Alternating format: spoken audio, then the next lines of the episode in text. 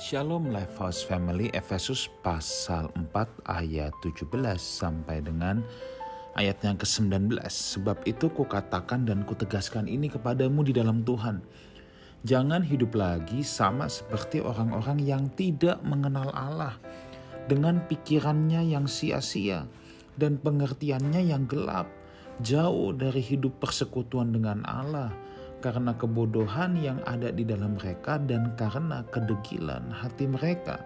Perasaan mereka telah tumpul sehingga mereka menyerahkan diri kepada hawa nafsu dan mengerjakan dengan serakah segala macam kecemaran. Saudaraku, peringatan Rasul Paulus kepada jemaat di Efesus ini adalah sebuah peringatan kepada orang Kristen. Ini bukan peringatan kepada orang yang tidak mengenal Tuhan, tetapi orang-orang yang sudah mengenal Kristus, yang sudah memberikan dirinya untuk dimuridkan, untuk menjadi pengikut Kristus. Tetapi sayangnya ada beberapa orang di antara mereka yang kembali lagi kepada kehidupan yang lama. Ya, itulah sebabnya Rasul Paulus mengingatkan jangan hidup lagi sama seperti orang-orang yang tidak mengenal Allah dengan pikiran yang sia-sia. Nah, Orang yang kembali kepada kehidupan yang lama itu akan berpola hidup seperti orang yang tidak kenal dengan Tuhan. Ini ironis, sebenarnya sudah kenal tetapi seperti belum kenal. Ditandai dengan apa? Ditandai dengan pikirannya sia-sia. Apa itu sia-sia? Sia-sia itu useless. Sia-sia itu nggak ada gunanya, nggak ada ujungnya, nggak ada faedahnya, nggak ada manfaatnya. Ya.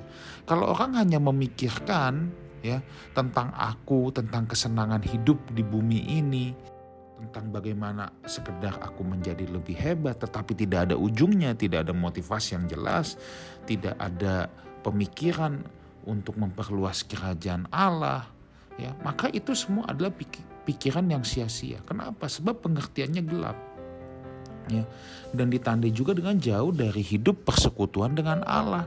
Hidupnya sudah tidak lagi bersekutu dengan Tuhan. Orang Kristen yang tidak lagi berdoa, yang tidak lagi bersekutu dengan Allah, pasti akan memiliki pikiran yang sia-sia. Dan pada akhirnya apa kata Rasul Paulus bilang kebodohan yang ada di dalam mereka. Sekali lagi kebodohan di sini bukan IQ-nya jongkok, bisa aja oh, pandai bisnis ya, pandai uh, melobi orang, pandai berdagang, pandai berjualan. Tapi di mata Tuhan bisa bodoh. Kenapa? Hidupnya jauh dari persekutuan dengan Allah. Ya. Dan hatinya menjadi degil, kata Alkitab. Perasaannya tumpul. Tidak lagi punya perasaannya Tuhan. Yang dia miliki adalah perasaan tentang dirinya sendiri. Tidak ada lagi belas kasihan dengan sesama. Tidak ada lagi rasa belas kasihan, kemurahan hati seperti Tuhan memandang orang-orang kecil, orang-orang yang menderita, orang-orang yang terdesak hidupnya. Nah, dan akhirnya saudaraku, orang-orang yang pikirannya sia-sia, yang seperti tidak mengenal Allah, pada akhirnya pasti menyerahkan dirinya kepada hawa nafsu.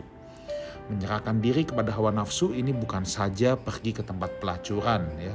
Kalau orang pergi ke tempat pelacuran itu memang sudah pasti menyerahkan diri kepada hawa nafsu. Tetapi menyerahkan diri kepada hawa nafsu juga menyerahkan diri kepada seluruh keinginan hidupnya, seluruh keinginan dirinya. Apa pun yang dia mau harus tercapai, apa pun yang dia mau harus terjadi. Itu juga merupakan orang yang menyerahkan diri kepada hawa nafsu. Akhirnya serakah dan mengerjakan kecemaran-kecemaran. Saudaraku, peringatan Rasul Paulus ini harus kita ingat dalam hidup kita. Sebab kita tidak boleh sebagai orang-orang yang sudah mengenal Kristus tetapi hidup sama seperti orang yang tidak pernah mengenal Kristus. Kiranya kebenaran ini mengingatkan serta menjadi peringatan bagi kita semua doa saya kita semua tetap memiliki persekutuan yang intim dengan Tuhan dan kita tidak menyerahkan hidup kita, diri kita kepada hawa nafsu tetapi kita menyerahkan diri kita kepada kehendak Tuhan. Tuhan Yesus menyertai kita semua. Amin.